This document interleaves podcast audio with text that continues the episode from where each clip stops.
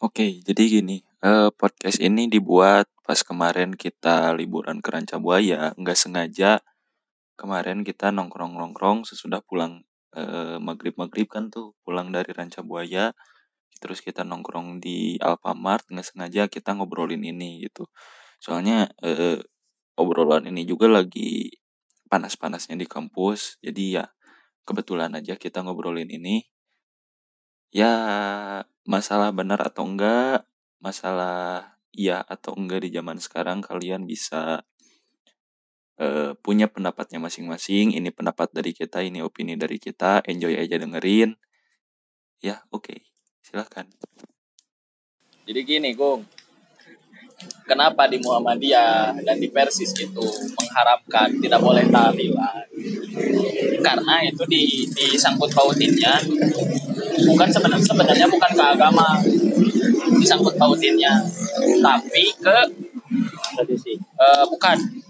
Ke ke moral lagi ke adab lagi disambunginnya. Jadi gini anggapan Muhammadiyah sama Persis Magung jadi lu kebiasaan iya. sini sini ya sini ya ya ya kasihan kasihan itu pegawai apa ntar. Apa gunanya jadi gaji? Sama ya jangan kenceng kenceng mobilnya. Ngomong hindarin apa gunanya kita ngerenta jadi gini karena keluarga itu teh lagi lagi berkabung oh. lagi berduka terus misalkan ada tahlilan. Nah si tahlilan itu tuh kan minimalnya kita harus nyiapin makan kan. Nyiapin makan mm -hmm. uh, makan berat lah. Udah mah baru ditinggalin sama sama orang tercinta. Nah terus bikin tahlilan yang ngeluarin budget. Maksudnya maksudnya kan ke moral lagi. Jadi kan udah makasian sama kasihan gitu bu. Iya tapi kalau orang Medan juga gitu sebenarnya. Kalau Medan itu orang Medan orang Batak ya ada yang meninggal dia babi guling ukurannya? Gitu. Tapi, iya. tapi kalau menurut pandangan NU mah gini lah apa persoalannya tuh tentang niatan pahalanya kan ten? Ah, niatan pahala. Dari si, dari segi lainnya. Nah, jadi jadi kita menyumbang itu kasih makan orang ketika beda tahlilan tuh bahwa kita bersedekah atas nama si almarhum. Iya nah, berterima kasih nah, udah bacanya sih bukan yang nganterin ke pemakaman kan. Kalau di kampung gua mar di di Toraja dan Gunung itu Mas Hamba yang mayoritas muslim. Kalau meninggal ini waktu adik gua meninggal ya. Nah. waktu adik gua meninggal bapak gua potong kerbau dua. Potong kerbau dua yang apa yang tahlilan. Dikasih daging satu orang lima kilo yang datang. Oh. dikasih uang lima puluh ribu. Nyatanya itu. Nah meskipun memang apa ya mungkin yang aku pikir ya Maria dari orang-orang yang khususnya yang dari paham-paham modernis gitu dari Muhammadiyah sama Persia mungkin karena ada kok orang lagi meninggal kayak buat acara sih rame gitu. Yang saya pikir kayak gitu. Cuman di kampung saya budayanya kayak gitu sampai potong kerbau sampai apa ya kasih uang. Uh kalau di sekitar pondok saya mah saya pondok pesantren kalau santri dipanggil ngaji orang mati tahlilan itu amplopnya tuh nggak pernah dua puluh ribu. Kalau bukan dua ratus lima puluh. Tapi sebenarnya itu buat santri itu nggak ada niatan buat ngaji untuk kemayat sih sebenarnya kadang aku pikirnya gitu uang jajan ya. Oh, proyek kan beli rokok proyek santri. Proyek. Gitu bung Muhammadiyah sama Persis. Jadi jangan dulu disangkutin sama sama agama dulu lah, kejauhan disangkutin sama agama. Yang beda pandangan. Yang yang jadi ini sebenarnya nggak ini ya kalau misalnya berkaitan dengan mampu atau tidaknya mah atau kebiasaan lah anggap cuman yang dijadiin apa namanya jadi masalah itu ketika buat sebagian orang itu dianggap sebagai kewajiban nah nah itu yang dijadiin. Kalau kata si Amal tadi makan jadi kan ayah ayah bahasan hutang dan hutang enggak? Nah, itu kan yang nggak boleh. Karena itu di kampusnya gitu tuh. Kalau meninggal nggak tahlilan nggak syukuran gitu. Pada nyindir pada nyindir terus dia tuh udah malu sendiri gitu. Ini menurut udah tradisinya. Setiap ada yang meninggal tuh pasti gitu. Tapi kalau di kampung emang nggak kayak gitu man. Jadi apa ya meskipun potong kerbau kayak gitu jadi masih ada apa istilahnya tuh etika ini tak kalau di kota kan kalau di kota kan pergi kondangan amplopnya isinya duit Hmm. kalau di kampung saya tuh ada orang meninggal oh ya berat warga setempat tuh ada yang kasih ayam bawa beras Iya, sama. makan bareng Nah, kalau gitu masih bisa diterima. mending ya Heeh. Kayak di kampung saya gini kan. Kalau ada orang yang meninggal disebut nanti ngalayat. Nah, ngalayat kan sambil bawa beras. Iya. Ada yang bawa beras, ada yang bawa gula eh ah, makanan lah.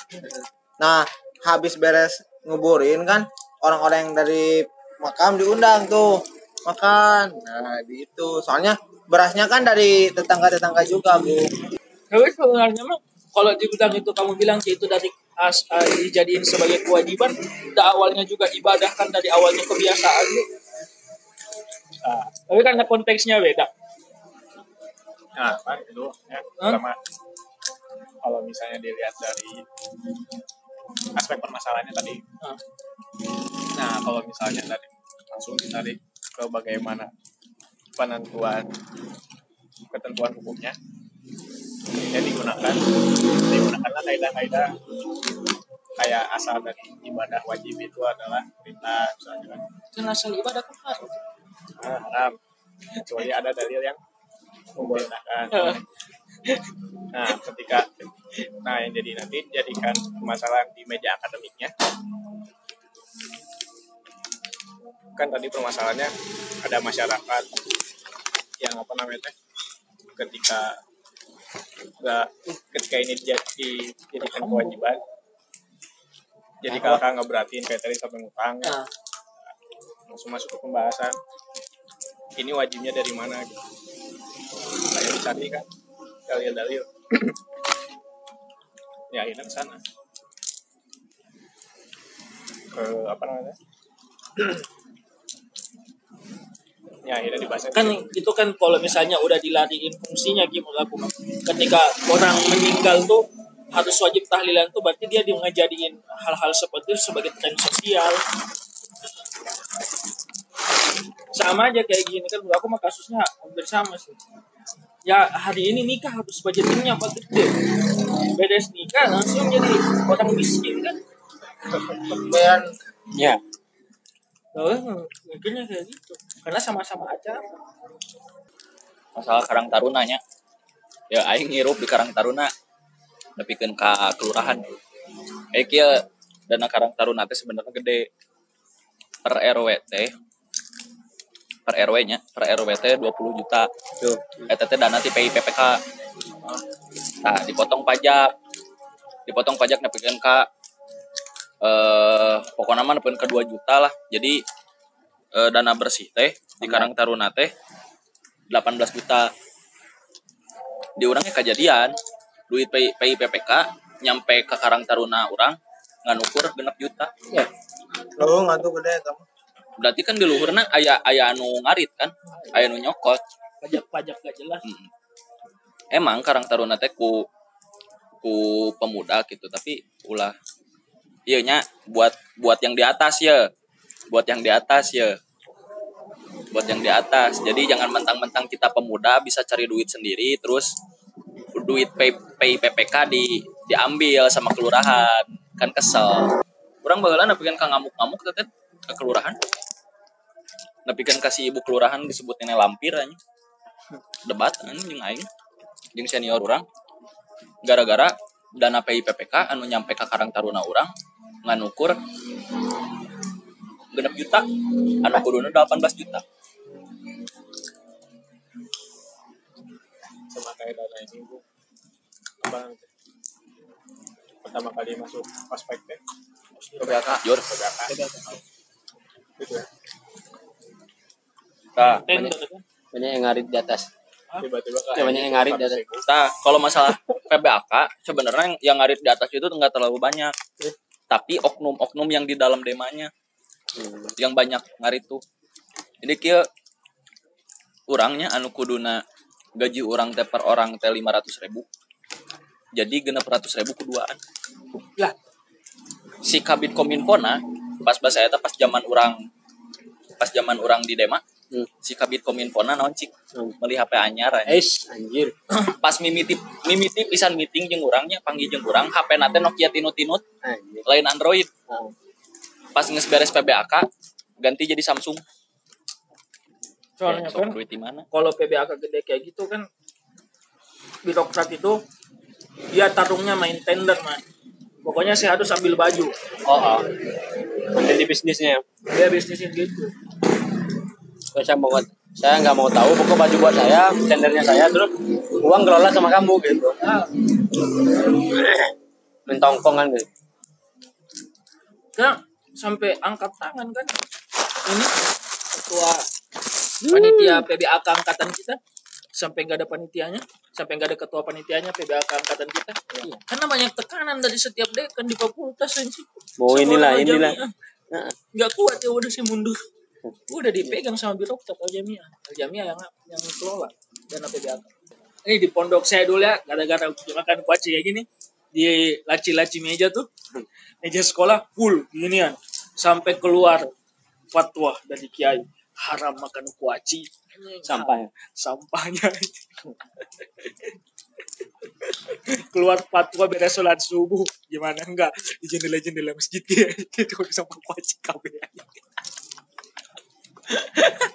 ada macam cara yang ngupasnya ada pakai gigi ada pakai tangan ada pakai tangan gigi. Ini mecahnya pakai gigi? Bisa pakai tangan. Gini kan?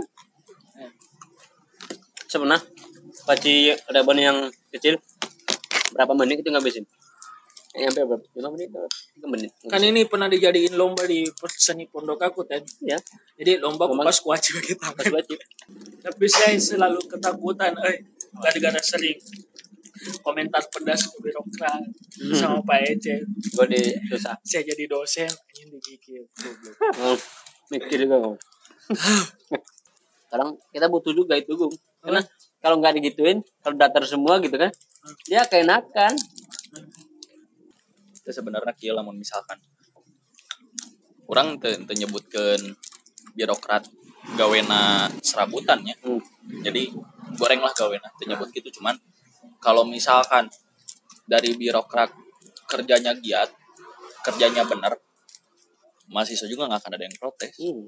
Karena kan semuanya dari dianya. ya logikanya kieu lah namun misalkan namun misalkan eh, fakultas emang bener-bener ngasih pelayanan ke orang anu benar Hmm. da sok ayeuna bakal bakal aya mahasiswa nu protes tuh Enggak sih pers- permasalahannya emang itu sih mana pak persoalan pelayanan. Kalau kita datang ke jurusan tuh kita kayak orang lain. Kita dianggap kayak bukan mahasiswanya anjing. Kan dilayani malah dicuekin. Manggilnya hei hei hei hei tayo apa? Nggak tahu siapa yang gaji Saya kamu. mau sambung kan kemarin tuh pas bikin surat aktif kuliah di lantai satu. Saya dipanggil hei hei dalam hati saya hei tayo hei tayo anjing kata. Jadi aja ada mahasiswa yang nanya di mana ruangan Pak Kajur Heeh. Nah, semester lima. angkatan kita tuh. goblok disebutin namanya anjing jadi ntar disensor kamu Iya. Iya kan biar ada asiknya. Ya mau gim mau gimana? namanya di WA tuh gede lagi tuh. Kali lagi. Biar ada dua sensornya. mau gimana pun yang tadi kita bilang di, jadi gini mas jadi langsung ketawa pas saya bilang kayak gini tadi kita bahal, bayar apa mahal-mahal bayar kuliah sekolah formal eh ternyata kaji teori orang yang tidak pernah sekolah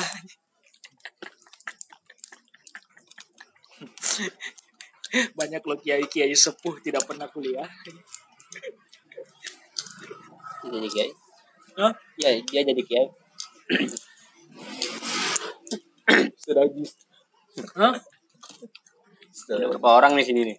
ada orang masuk aneh sih orang-orang mahasiswa. Mungkin mereka teh punya ilmu. Tapi ting ting kunaon? Kumanya jadi ngomongnya teh sembarang gitu. Jadi jadi kesannya teh kayak yang sombong mentang-mentang maneh teh punya ilmu terus maneh teh bisa ngomong di muka umum. Jadi mau sombong gitu. jadi ngomong teh jadi ngomong teh ente iya jadi ente disaring asal ngomong we tanpa mementingkan hati batur gitu. Cing lamun lamun misalkan orang ngomong kieu teh batur teh bakal kumaha bakal kasinggung atau henteu tapi kalau saya emang nggak sepakat dengan hal itu nah. Karena saya seperti termasuk pelaku. Ah, enggak enggak gini mar kalau saya tuh mikirnya gini loh. Ketika Ya, mengeluarkan masih mengeluar, lama, masih lama. Ketika mengeluarkan statement. Dompet. Hah? belajar dulu ketika mengeluarkan statement kita mikir kayak gitu ada yang tersinggung atau enggak soalnya gini Mat, buat aku Jadi iya, asli Ah. na- saya mau senang bisa euy. Liburan teh bener-bener uh, bebas free. iya Asli na. Oh tekanan. Oke. Oh, Kayak gini, tekanan gini lu. kan, kan ada pernah ada orang yang mengatakan seapapun kamu jelasin argumen kamu sampai sedetil mungkin kalau dia benci sama kamu dia akan bilang itu adalah sebuah kebohongan dan kesalahan. Jadi tetap gue maju. Bodoh amat. Persoalan tersinggung atau enggak berarti dia melakukan gitu enggak berarti gini kan kalau misalkan ada orang yang kesinggung pas dia dapat kritikan berarti kan dia enggak open minded sementara dia sama-sama mahasiswa. Cuman yang jadi masalahnya gini orang yang tong kosong nyaring bunyinya. Orang teh bisa ngomong tong kosong nyaring bunyinya asal ngomong gitu tanpa dikaji.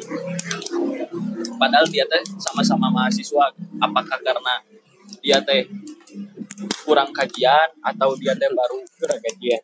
Baru baru ngerasa kalau dia teh semasa SMA-nya teh nggak bisa ngomong terus pas masuk kuliah dapat ilmu terus bisa ngomong. Jadi dia teh seakan-akan wah anjir orang teh ternyata HD geningan ngomongnya apakah sih gitu nah, atau kumaha gitu. Soalnya rata-rata orang kesinggung teh bukan gara-gara orang dikritik tapi orang dising tersinggung teh gara-gara emang si orang-orang itu teh ngomongnya teh tong kosong nyaring bunyinya. Jadi males gitu nggak dengerinnya juga. Maksudnya kalau tahu mat kalau saya kritik tuh kalau diri saya pribadi ya pengalaman saya. Kalau saya ngeritik sampai bentar bentar bentar betul katanya kalau sampai kalau saya ngeritik sampai ke akar akarnya sampai orang tersinggung pertama saya mikirkan faktanya dulu kayak gimana Oh. tapi kalau misalnya pada faktanya mereka tersinggung gitu dengan apa yang kita ungkapin berarti benar kan itu adalah sebuah kebenaran Iya. nah cuman yang maksud kamu Jangan yang, dipakai doa tuh air. yang maksud kamu itu adalah tong kosong nyaring bunyinya itu yang dia katakan itu kayak misalnya terlalu banyak halunya atau gimana nah gini contohnya ya kayak si aduh harus disebutin nama anjing ya ntar lah sama gue sensor ya ya kemarin aja lah kasus di grup ah mereka tanya nyebutin tokoh siapa sih kamu mah cina ideologi ini cina. oh, oh. yang bahas tentang patriarki ya kayak Ah. gitu. nah tak kan yang yang sama gua maksud tong kosong nyaring bunyinya tuh mereka tuh ngomong berdasarkan teori eh, berdasarkan data tapi tidak tidak di tempatnya gitu. Toh mereka kan udah dewasa seharusnya mereka tuh tahu gitu tempat buat mereka ngomong teh di mana. Kok itu teh bisa kejadian? Tapi sebenarnya yang jadi kesalahan fatalnya itu di situ. Bahasa chat itu multitafsir loh. Nah, bisa jadi dia teh ngomong teh nyentak, bisa Ah. jadi sebenarnya dia teh ngomong teh halus. Ah, jadi multitafsir ke orang yang dituju. Makanya keluarin statement kayak gitu di chat tuh nggak enak. Kayaknya kita kan kalau ngechat berdoa nantilah pemu. Ya biar jelas kan. Ya soalnya kalau lewat chat kan kadang anjing. Takut kan ada Ada miskomunikasi. ada miskomunikasi salah paham kan. Iya emang benar sih pak. Bersosial media tuh bikin gampang orang ngobrol cuman kita nggak tahu gitu. Sempat dia kasih emot ketawa tapi mukanya murung Iya. kan kampret kalau kayak gitu. Cuman ya ya kalau saya paham ya yang di grup kita kemarin yang bahas Iya. tentang patriarki. Bahwa ketika misalnya si harus mengikut karena mayoritas laki-laki di situ ya karena kalau laki-laki kan patriarki ya perempuan matriarki. Ketika kita menganalisis gender gitu hari ini membahas gerakan gender awalnya kan awalnya kan apa ya adanya gender itu dipermasalahin kan tentang matriarki dan patriarki kan awalnya kan masyarakat eh bukan awalnya kan laki-laki kan kerjanya kan di laut bekerja keras jadi nelayan kan jadi nelayan terus apalagi angkat-angkat hal kerja-kerja berat lah gitu. sedangkan perempuan harus diam di rumah kan asalnya dari itu kan Ay, tapi perempuan perempuan membuat suatu gerakan supaya mereka itu bisa produktif tuh di tempat tinggal mereka mas. Awalnya ada bercocok tanam kan? Berkebun kan perempuan kan awalnya? Bertani. Nah singkat penjelasan menurut saya mas. Setelah apa ya setelah lama lambat laun berkembang tuh pertanian perkebunan yang dilakukan sama perempuan ternyata yang lebih produ- produktif tuh bukan laki-laki, perempuan yang ber- bercocok tanam di rumahnya, berkebun. Akhirnya laki-laki merasa tersaingi. Dia juga pengen menguasai kan, sejarahnya kayak gitu kan, Ki. Akhirnya muncul gerakan patriarki sama patriarki dari gender tuh kena perang. Merasa bahwa laki-laki tuh, eh kok mereka lebih unggul daripada kita. Nah, berarti nyambung nih pembahasan. Oh, podcast jadi jadi lama. nih. Nyambung pembahasan. Berarti di sana ada pertanyaan. Zaman sekarang diperbolehkan atau tidak? Diperbolehkan atau tidak dulu ya, ntar nyambung lagi. Diperbolehkan atau tidak wanita karir? Soalnya kan banyak eh, suaminya kerja, istrinya kerja, akhirnya anaknya eh, nggak keurus, jadi dia eh, apa punya kepribadian sendiri karena tidak mendapatkan pendidikan dari ayah dan ibunya. Nah, jadi anak nanti jadi baong gitu. nakal ya. Jadi nakal. Nah, berarti di sana ada pertanyaan kan? Di- karena ada kasus yang seperti itu diperbolehkan atau tidak eh, wanita karir? boleh-boleh saja menurut aku. Kamu tuh gimana? Soalnya kalau kita mengatakan bahwa perempuan itu harus tinggal di rumah, dia mau dapat pengetahuan dari mana kalau dia nggak sekolah, Mar? Hmm. Kalau dia nggak punya pengalaman di luar, dia kasih ke anak-anaknya. Cuman menurut saya ini persoalan teknis sih. Bagaimana caranya dia bisa memporsikan gitu, yang mana dibilang profesional untuk kerja sama profesional ke keluarga. Maksudnya kan kayak orang-orang barat kan, orang-orang Amerika kan, ketika misalnya dia bekerja di kantor dan tidak selesai pekerjaannya, ditinggalkan, nggak dilanjutin di rumah. Orang Indonesia mah kagak. Harus beres. Sampai di rumah dilanjutin kan kerjaan kantornya. saya pakai analisa ekonomi Nah, ekonomi teh. Eh, pemegang yang megang kekuasaannya secara keseluruhan adalah sistem kapitalisme. Termasuk di Indonesia ya. Eh, buruh di tiap pabrik kenapa mayoritas itu pegawainya perempuan? Karena dari segi psikologi perempuan itu eh, nerima apa adanya. Dikasih eh, apa namanya upah 500 ribu per bulan juga kan. Alhamdulillah. alhamdulillah. Nggak akan ada demonstrasi lah dari pegawai. Ya berarti tenaga perempuan itu kalau misalnya disetarakan antara laki-laki dan perempuan akhirnya tetap aja perempuan itu akan menjadi bahan eksploitasi oleh orang-orang tertentu. Bahwa apa kepentingannya sendiri? Kayak tadi aspek ekonomi. Jam delapan kuinya Eh. nyanggung soalnya. masih ingat.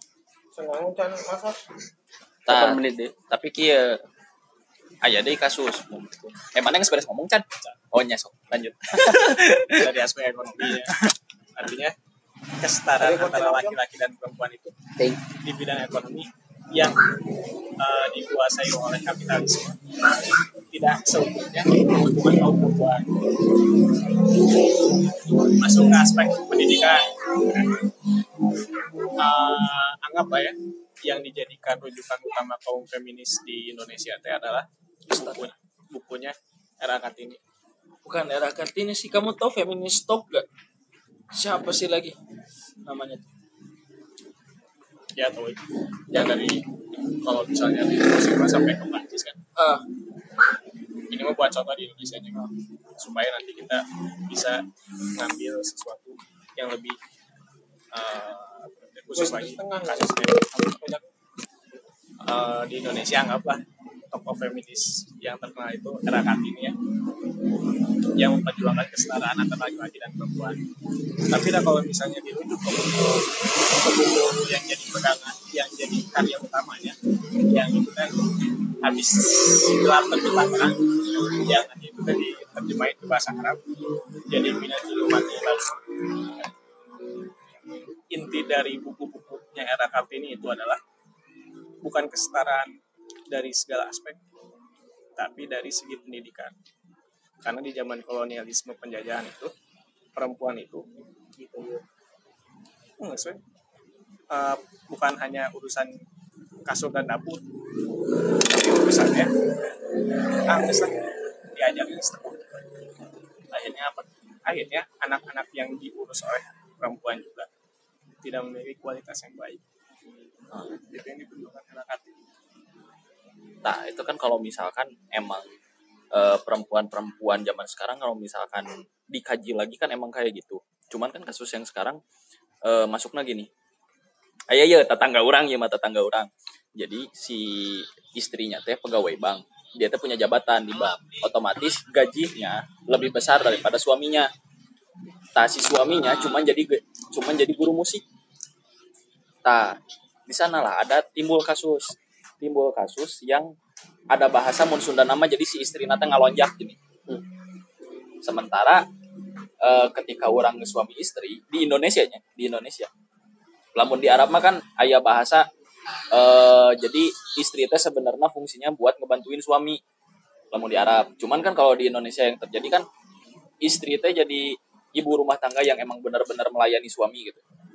Nah, kasusnya jadi si istri nate ngalonjak gara-gara gaji eh, gaji nate yang gede yang lebih besar daripada eh, suaminya jadi ngelonjak gitu ngerti tuh jadi apa yang suami jadi ada keputusan nih misalkan dari suami terus si istri nate terima jadi merasa si istri nate lebih lebih tinggi gitu. karena Nah. persoalan penghasilan karena soal persoalan penghasilan. Nah, kembali lagi ke pertanyaan, ketika orang menghadapi kasus juga gitu, apakah boleh atau tidak gitu? Eh, apakah boleh atau tidak si ada adanya wanita karir? Soalnya, lamun misalkan orang ningali tino tino ekonomi Indonesia nu ayeuna, lamun misalkan istri nggak ikut kerja sama suami, nggak jadi wanita karir, si anaknya kurang mendapatkan eh bukan mun urang mah supply duit lah kasar nama gitu gitu. Jadi kurang dibiayaan gitu si anak nanti sementara lamun misalkan si istri nak kerja gajinya lebih besar. Timbullah kasus seperti itu. Yang kasusnya teh si istrinya teh bakal ngalonjak gitu ke suami. Kalau menurut aku itu sebenarnya ini kan persoalan ada kesalahpahaman. Kalau misalnya kamu bilang tadi Ki, orang bilang rujukan perempuan di Indonesia hari ini adalah era Kartini gitu. Dengan gerakan feminismenya. Feminisme dan pemahaman era Kartini dalam buku habis gelap ternyata terang. Yang hari ini dipahami sama perempuan-perempuan Indonesia.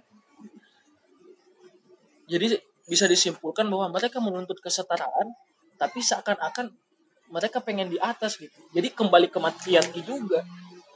Saya makan kayak di Padang kan perempuan kan yang paling tinggi matriarkinya kenceng ini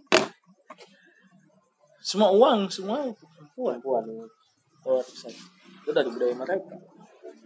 Cuman kalau menurut aku ya Maria harus ada apa ya kontrol di situ. Ada pemahaman tentang kesetaraan. Bahwa sebenarnya yang dimaksud dengan kesetaraan dari kan yang dimaksud sini kan peran sebenarnya. Kan. Hmm. Kesetaraan itu tetap dia bebas melakukan sesuatu berdasarkan fungsi mereka masing-masing berdasarkan peran mereka masing-masing tanpa dikekang. Bahwa hari ini yang dipikirkan yang kamu tadi bilang kan bahwa yang hari ini dipikirkan perempuan kalau cuman suami saya yang bekerja terus anak apa uang jajan anak saya itu kurang berarti mereka melihat apa cara mendidik anak itu dari materi bukan dari aspek-aspek yang lain. Pendidik karakter misalnya. Pengetahuan misalnya. Kan itu yang jadi masalah. So saya juga merasakan gitu mas. Di lingkungan keluar bukan keluarga sih di lingkungan di kampung saya gitu.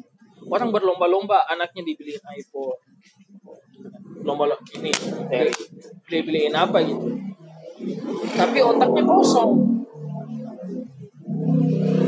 karena melihat bahwa dia merasa berhasil kalau anaknya nyaman. Tapi dia tidak dia tidak berpikir bahwa saya berhasil kalau misalnya anak saya itu ngerasain bukan ngerasain sih anak saya itu memahami bahwa cari uang tuh nggak segampang ini meminta itu nggak segampang ini. Pemahaman sih sebenarnya harus di, harus di framing Enggak tuh, closing statement. Soal atau atau mana? Oke. Oke, closing statement ya. Jadi sebenarnya dibutuhkan antara laki-laki dan perempuan itu kan setara. Tapi keadilan, cek. keadilan teh menempatkan sesuatu pada porsinya. Porsinya pendidikan buat perempuan seperti apa, sehingga nanti perempuan teh bisa mengembangkan dirinya sendiri, membuat dirinya menjadi apa namanya produktif dengan apa dengan porsinya. Laki-laki juga kayak gitu. Ketika laki-laki uh, melaksanakan fungsinya, kewajibannya dengan sebaik-baiknya, nggak akan ada istri yang kekurangan, nggak akan ada anaknya kekurangan. Nah, jadi kesimpulannya dari awalnya, dari orang kan tadi nggak bahas tahlilan ya. Eh, jadi kesimpulannya, buat yang tahlilan, buat yang tahlilan, jangan sampai kita teh orang yang berga, beragama tapi tidak menggunakan akal. Eta nanti disebutnya taklid, Oh. nyagungnya. Oh. Nah, jadi ketika orang ngebahas ke agama, malahan kita teh jangan dulu langsung sangkut pautin ke agama, tapi orang ge kudu lihat dari aspek yang lain gitu, dari aspek moral yang lain. Jadi jangan sampai nanti tak ada orang yang tahlilan terus nanti sama sama kalian teh dihujat, disebut eh, non bid'ah, kan bawa edan aja disebut bid'ah aja. Tapi orang teh kudu mempertimbangkan gitu. Mempertimbangkan dari segi moralnya teh di mana gitu. Moralnya ketika ada orang yang meninggal terus kita harus tahlilan eh eta teh salah gitu tapi orang teh kudu menimbang teh dari aspek anu geus selalu agama gitu tapi orang teh kudu ngahargaan oge batur orang datang tahlilan oge kan karena orang teh eh non ikut berduka gitu ke keluarga yang ditinggalkan gitu. jadi intinya otak teh ulah datar gitu. Otak teh ulah datar. Jadi ulah mikirnya teh dari satu arah gitu. Agama wae aya opat mazhab gitu.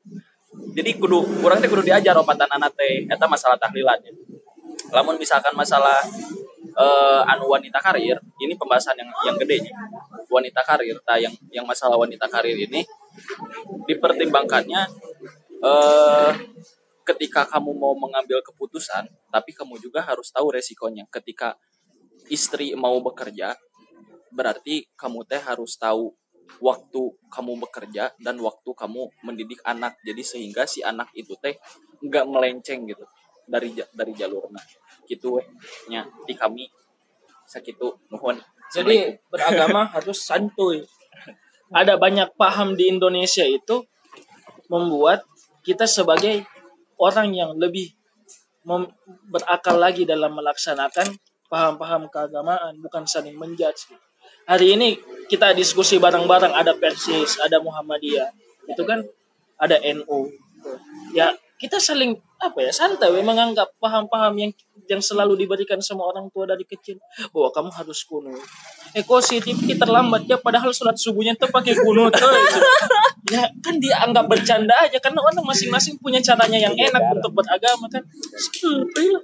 Harus santuy. ya itulah kita kita aja temenan ada Persis Muhammadiyah ada yang NU tapi kita eh, bisa sharing gitu pendapat pendapat masing-masing dari ormasnya masing-masing. Eh ormasnya.